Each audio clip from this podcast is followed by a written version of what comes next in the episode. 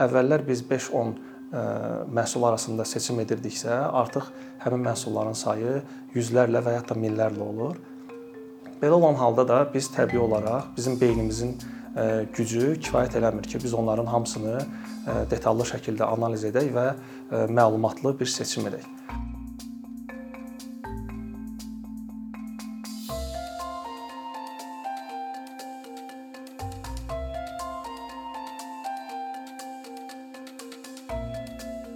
Rəqəmsal dünya və rəqəmsal platformalar bizim həyatımızın artıq ayrılmaz bir hissəsinə çevrilib. Onlar bizə bir çox yerlərdə kömək eləyir və bu yerlərin biri də seçim eləmə seçim eləmə ssenariləridir. Əvvəllər biz nəsə almaq, nəyəsə baxmaq istədikdə həmin əşyaların satıldığı yerlərə fiziki olaraq gedirdik.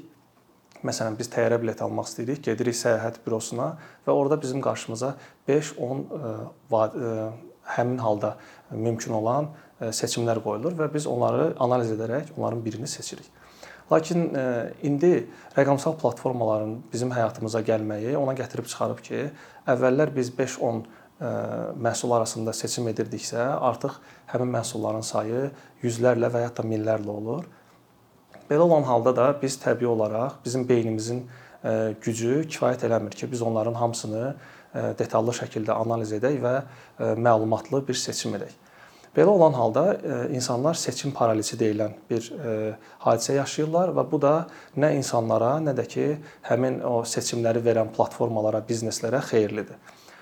Bunun qarşısını almaq və istehlakçılara kömək eləmək məqsədi ilə tövsiyə sistemləri yaradılıb Tövsiyə sistemləri e, ilk olaraq nədir? Onlar alqoritm əsaslı e, alətlərdir və həmin alətlərin e, əsas məqsədi ondan ibarətdir ki, həmin o onlarla, yüzlərlə və hətta minlərlə seçim arasında bizə maraqlı ola biləcək və bizim seçə bilmə ehtimalımız ən yuxarı olan 5 və yaxud 10 seçimi bizim qarşımıza çıxarır və nəticədə biz yenə də əvvəlki o adət elədiyimiz fiziki seçim mərhələsinə bizi bir növ virtual olaraq daşıyır.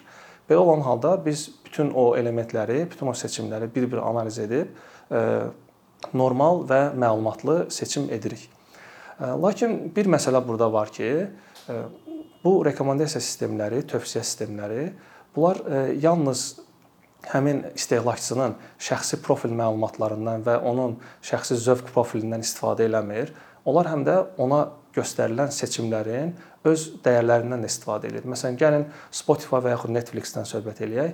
Biz e, hansısa Netflix-də kino izləmək istəyiriksə, həmin kinonun göstəriciləri ola bilər məsələn onun rejissoru, onun janrı, hansı aktyorlar var, e, uzunluğu nə qədərdir və ona hansı e, qiymət verilib kritiklər tərəfindən. Belə olan halda həmin tövsiyə sistemləri təkcə o məlumatlardan, yəni istifadəçinin məlumatlarından yox, bu məlumatlardan da istifadə edir.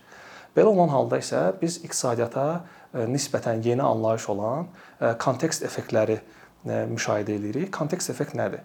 Kontekst deyəndə biz bizim seçim eləmə prosesinə birbaşa müdaxilə edən və bizim seçimin nəticələrini dəyişə biləcək faktorlar toplusunu nəzərdə tuturuq. Bunlara nə aiddir? Seçimin zamanı, seçimin hətta ola bilər ki, seçim edəndə hava necə idi, o da bizim seçimimizə təsir eləyir. Ənənəvi iqtisadi nəzəriyyə deyir ki, insanlar nəsə seçim edəndə iki e, iki məfhumdan təsirlənirlər. Birinci öz e, şəxsi zövq profilləri, ikinci də həmin seçəcəyi əşyaların və yaxud məhsulların göstəriciləri. Sadə bir misal çəkək. Tutaq ki, biz telefon almaq istəyirik. İki telefon var, A və B. A telefonunun kamerası güclüdür, qiyməti bahadır. B telefonunun isə kamerası nisbətən zəifdir və qiyməti də ucuzdur. Belə olan halda hansı insan üçün ki, onun telefonun qiyməti önəmlidir, həmin insan əlbəttə ki, B telefonuna meyl göstərəcək. Kim üçünsə telefonun kamerası daha önəmlidir, həmin insan qiymətə fikir verməyərək A telefonuna doğru gedəcək. Uzun müddət belə düşünülürdü ki, insanın bu seçimini idarə edən, seçimə təsir edən məhz bu iki amildir. Lakin 70-ci illərdən başlayaraq Tversky Tversky ilk olaraq eksperimental yolla sübut etdi ki, insanın seçiminə nəinki həmin bu iki amil, bundan əlavə seçim səbətində olan digər e, seçilməli olan məhsullar da birbaşa təsir eləyir. o bu ə, məfhumu kontekst effekti adlandırdı və günümüzdə kontekst effektlərinin 13-ə yaxın növü eksperimental və empirik yolla sübut olunub. Bu sübut olunma sahələrinə psixologiya, marketinq, hətta ə, hüquq sahəsi də aiddir və ə, o bu ə, məfhumlar içərisində əsas üçünü müəyyənləşdirmişdi. Birinci cəlb etmə effekti, ikinci kompromis effekti, üçüncü isə oxşarlıq effekti. Cəlb etmə effekti nədir? Xatırlayaq o 2 A və B telefonlarını biz seçim səbətinə 3-cü C telefonunu əlavə eləyirik. C telefonu qiymət və kamera baxımından A B telefonundan yaxşıdır, yəni qiyməti ondan biraz bahadır, kamerası biraz yaxşıdır, lakin A telefonundan çox aşağıdır ona nisbətən. Belə olan halda insanlar özləri də bunun fərqinə varmadan A telefonuna üstünlük verməyə başlayacaqlar və daha az insan B telefonunu seçməyə başlayar. Bu cəlb etmə effektidir. İkinci effekt kompromis effektidir. Kompromis effekti odur ki, biz qərar vermədə çətinlik çəkdiyimiz zaman adətən kompromis bir məhsul və yaxud həll axtarırıq yenə qayıdırıq əvvəlki AB telefonlarına. Üçüncü bir C telefonunu biz ora əlavə eləyirik. Həmin telefon bir növ A B-nin ədədi ortasıdır. Yəni kamerası o ikisinə baxanda ortadadır, qiyməti də o ikisinə baxanda bir orta qiymətdir. Belə olan halda insanlar başlayır çətinlik çəkməyə. Ana analiz eləyir, B-ni analiz eləyir, bilmir hansı daha yaxşıdır və birdən C ortaya çıxanda insanlar düşünür ki, hazır bu C var, bu mənim üçün kompromisdir, daha çox əziyyət çəkməyim və elə o kompromis məhsulu seçim. Üçüncü ən çox yayılan, ən çox araşdırılan kontekst effekti də oxşarlıq effektidir.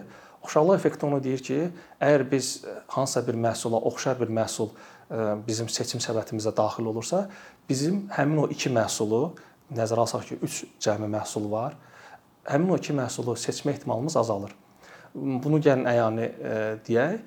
C telefonu gəlir, C telefonu A telefonuna çox oxşayır. Məsələn, ola bilər ki, eyni markadır, rəngi fərqlidir. Belə olan halda insanın o iki bir-birinə oxşar məhsulu araşdırıb seçim eləmə ona ağır gəldiyi üçün insan o iki seçimə oxşar olmayan, tamam fərqli B telefonuna meyl göstərməyə başlayır. Bu kontekst effektləri tövsiyə sistemlərində günümüzdə çox geniş istifadə olunur və bizneslər e, tərəfindən müxtəlif məqsədlər üçün bu kontekst effektləri istifadə olunur. Ən birinci məqsəd odur ki, e, marjası yuxarı olan məhsulu insanların gözü qarşısında daha önə çıxarmaq. Məsələn, tutaq ki, bizim əlimizdə yenə A və B var bizim A telefonundan əldə elədiyimiz gəlir daha çoxdur. Bizim marağımızdadır ki, bir biznes olaraq insanlara elə bir üçüncü C telefonunu verək ki, həmin telefon A-nı insanların gözündə daha cəlbedici eləsin və cəlb etmə effekti də burdan gəlir. Əgər bu misal, yəni bizə çətin gəlirsə, gəlin sonuncu dəfə kinoteatra gedəndə aldığımız popkorn, popkorn alma səhnəsini canlandıraq. Kiçik popkorn var 300 qram məsələn 3 manata, böyük popkorn var 600 qram 6 manata. Mən biznes biznes sahibi olduğum üçün mən deyirəm ki, insanları 6 manatlıq popkorna sövq eləyim. Bunun üçün mən nə edirəm? Mən bir orta popkorn, 400 qramlıq orta popkorn ora əlavə eləyirəm həmin seçimə və onun qiymətini edirəm 5 manat. Belə olanda popkornun e, miqdarının qiymətinə nisbəti elə də yaxşı olmur və insanlar baxır ki, e, bu 400 qrama mən 5 manat verəcəyimə elə 600 qram verərəm, 600 qramlığı 6 manat verərəm. Belə olan halda biznes özü də biznes özü fərqində olaraq insanların daha marjası yüksək olan bir məhsula insanları sövq edir. İkinci bir hal odur ki, bizneslər yeni məhsulları insanların önünə çıxarır. Bu nə ola bilər? Məsələn, Gəlin adi telefon misalından gedək. Eyni bir brendin yeni bir telefonu ortaya çıxır və həmin telefonu insanın gözü gözlərində daha da məşhur eləmək üçün o telefonun yanına iki bir-birinə oxşar fərqli telefon qoyulur və insan oxşarlıq effektinin təsirindən təsirlənərək oxşar olan telefonları yox, məhz fərqli olan və biznesin bizim gözümüzdə önə çıxarmaq istədiyi məhsula doğru biz gedirik. Üçüncü bir variant, e, üçüncü bir strategiya odur ki, e, bu da ən çox e, istifadə olunur insanın götür-qoy elədiyi, daha çox elədiyi məqamlarda, məsələn, telefon və yaxud kompüter alanda biz daha çox düşünürük nəinki popkorn alanda. Belə olan halda müəssisənin və on, biznes platformasının marağı ondadır ki, insanın qərar qəbul eləmə vaxtını mümkün qədər kiçiltsin. Yəni siz analizə daha çox vaxt sərf eləməyin, almağa daha çox vaxt sərf eləyin. Bunun üçün biznes 2 A və B telefonlarının arasına kompromis ortaq bir telefon modeli qoyur ki, insanların həmin o kompromis modeli seçmə vaxtı daha azdır olduğu üçün, yəni insanlar əziyyət çəkib daha çox vaxt sərf eləyib o 2 A və B arasında seçim eləməkdənsə, hazır kompromis olaraq bir C modelini seçirlər və həmin biznesin insanlardan əldə elədiyi gəlir bu, bu yolla maksimallaşır. İstehlakçı nöqteyi nəzərindən tövsiyə sistemləri çox uğurlu, çox uğurlu və yeni modern bir alətdir. O bizə əvvəllər bizim qarşımıza çıxmayacaq, özümüzün tapa bilməyəcəyimiz və hətta mövcudluğundan belə xəbərimiz olmayan yeni məhsulları, daha maraqlı məhsulları və bizim profilimizə daha uyğun məhsulları qarşımıza çıxarır. Məsələn, gəlin Spotify-dan misal gətirək. Spotify-ın tövsiyə alqoritmi ümumiyyətlə sənayedə, mühəndislikdə ən e, inkişaf eləmiş alqoritmlərdən sayılır və e, o tövsiyə alqoritminin istehlakçılara xeyri bundan ibarətdir ki, onların daha əvvəl heç mövcudluğundan xəbəri olmayan musiqi janrları onların qarşısına çıxarır, musiqiçilər onların qarşısına çıxarır. Hətta ola bilər ki, e, mən məsələn rep xoşlayıram, rock xoşlayıram. Spotify mənim profilimi götürür və mənə rep rock və yaxud new metal janrında e, musiqi parçaları tövsiyə etməyə başlayır və mən Spotify-dan məmnun qaldığım üçün e, oradakı öz abunəliyimi davam etdirirəm və Spotify e, mənim kimi sistemdən razı istehlakçıların sayəsində öz sistemini daha da təkmilləşdirir və daha çox insana yardım edir. Kontekst effektləri isə bizim istehlakçı nöqteyi nəzərdən Bizim üçün bu effektləri başa düşmək və bu effektlərin bizə elədiyi təsirdən agah olmaq çox önəmli məsələdir. Çünki bizim marağımızla biznesin maraqları həmişə üst-üstə düşmür. Bizə bizim marağımızda olan şey işdən gələndən sonra bizi rahatlatacaq və yaxud bizi dincəldəcək bir musiqiyə və yaxud filmə baxmaqdırsa, platformaların məqsədi bizi mümkün qədər o platformada kontent mənimsəməyə yaxud bizim istəmədiyimiz, heç e, bizim ağlımızdan da keçməyən məhsulları bizə aldırmağa vadar eləməkdir. E, istehlakçı olaraq kontekst effektlərdən e, kontekst effektlərin bizə verdiyi təsirlə mübarizə aparmaq üçün üç mühüm strategiya biz tətbiq eləyə bilərik. Birincisi bu effektlərdən agah olmaq. Agah olmaqdır ki, bu effektlərin həqiqətən də bizə təsir elədiyini birinci qəbul eləmək və qəbul elədikdən sonra həmin e, situasiyalarda biz daha dərin özümüzü daha dərin düşünməyə vadar eləməliyik. Həqiqətən də mənim bu almaq istədiyim e, hal-hazırda almaq istədiyim məhsul mənim öz seçimimdirmi, yoxsa mən sırf bu məhsullar burada var deyə mən bu məhsulu almaq istəyirəm? İkinci zaman məsələsidir. Bütün araşdırmalar göstərir ki, və bu araşdırmalar müxtəlif sahələrdə olub, zaman kontekst effektlərinin e, təsirini azaldır. Bu nə deməkdir? Məsələn, Biz bu iki e, telefon arasında qalmışıq A və B və tövsiyə sistemi bizə üçüncü bir telefonu tövsiyə eləyir.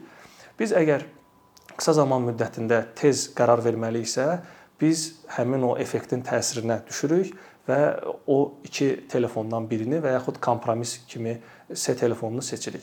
Hətta daha yaxşı bir misal gətirim. Kinoteatra gedəndə ki biz popkorn alırıq, o popkornu adətən biz seansa gedən yolda alırıq. Yəni artıq bilet əlimizdə, biz seansa gedirik 2-3 dəqiqə qalıb və kassir də bizi istər-istəməz tələsdirir ki, həm də arxada növbə var, biz e, vaxt qıtlığı var və biz tez qərar verməliyik. Belə olan halda bizim kontekst effektlərinin təsirinə düşmə ehtimalımız və həmin o təsirin öz miqdarı da olduqca artır. Lakin biz əgər bizim verəcəyimiz qərar zamanda limitli deyilsə, yəni biz heç elə tələsmiriksə, biz sadəcə biraz bu haqqda düşünüb daha kontekst effektlərdən azad olmuş bir qərar qəbul edə bilərik. Biz nə qədər çox düşünürüksə, həmin o kontekst effektin bizə verdiyi təsir o qədər azalır və nəticədə biz daha məlumatlı və həqiqətən də özümüzün istədiyimiz, bizim maraqlarımıza uyğun olan seçimi eləyirik. Üçüncü e, strategiya o ola bilər ki, biz kənar məlumat bazasından istifadə eləyək. Məsələn, biz Amazonda e, telefon axtarırıq, Amazon bizə öz telefon tövsiyələrini verir və e, həmin tövsiyələrin altında istehlakçıların rəyləri olur. Əlbəttə ki, o rəylər Amazona xasdır və yalnız Amazondan o telefonu alan insanların rəyidir. Bu biraz bizdə bahis yarada bilər. Və onun qarşısını almaq üçün biz kənar platformalarda və yaxud öz dost çevrəmizdə, öz tanış çevrəmizdə həmin telefondan istifadə edən insanların fikirlərini əldə edə bilərik və yaxud digər review tipli, yəni həmin məhsulu alıb yoxlayıb öz fikrini bildirən YouTube kanalları var və yaxud onlayn platformalar, bloqlar var. Biz onlardan istifadə eləyərək kənar üçüncü bir şəxsin bu məhsul haqq bu məhsul və ya məhsullar toplusu haqqında fikirlərini öyrənə bilərik və o bizim daha məlumatlı qərar qəbul etməyimizə gətirib çıxarır. Lakin həmişə tövsiyə sistemlərinin bu tövsiyələri ilə mübarizə aparmaq bizim marağımızda deyil. Belə ki, əgər bizim qarşımızda olan seçim səbəti kifayət qədər böyükdürsə, bizim əlbəttə marağımızdadır ki, biz o tövsiyə sistemlərindən istifadə eləyək. Belə olan halda biz öz beynimizi o qədər yormuruq və həqiqətən də həmin vaxt bizə daha vacib olan işlərə öz beynimizin limitli resurslarını sərf eləyə bilərik. Biznes nöqteyi nəzərdən də tövsiyə sistemləri və kontekst effektlərindən istifadə bir növ istehlakçıların maraqları ilə zidd olduğu üçün burada müəyyən nüanslar var ki, bizneslər də o nüanslara diqqət eləsələr, istehlakçıların maraqlarına maksimum xidmət eləməklə öz maraqlarını da maksimum səviyyədə güdə bilərlər. Birinci məsələ burada məxfilik məsələsidir.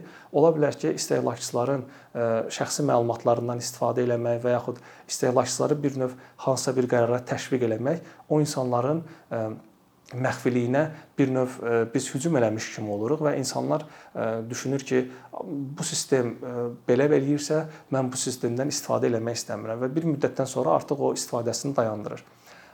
Digər bir məsələ də odur ki, biznes kontekst effektlərini öz xeyrinə, kontekst effektlərinin təsirinə düşən seçimləri bir növ vizual olaraq fərqləndirməklə istehlakçılara kömək eləyə bilər.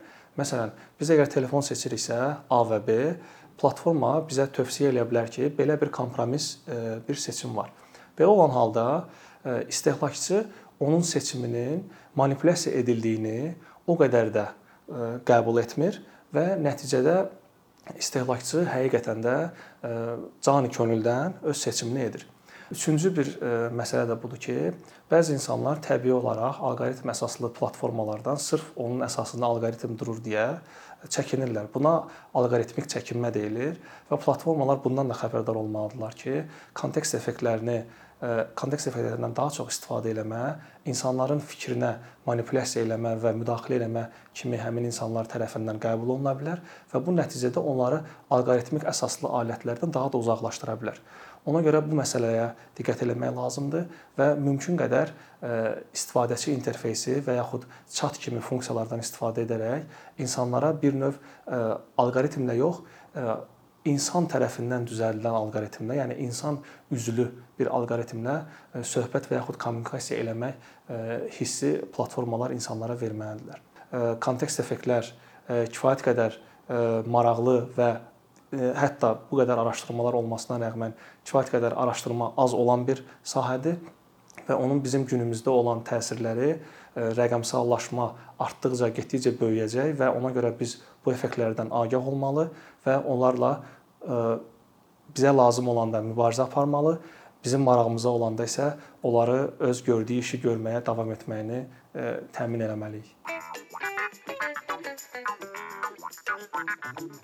you. Thank you.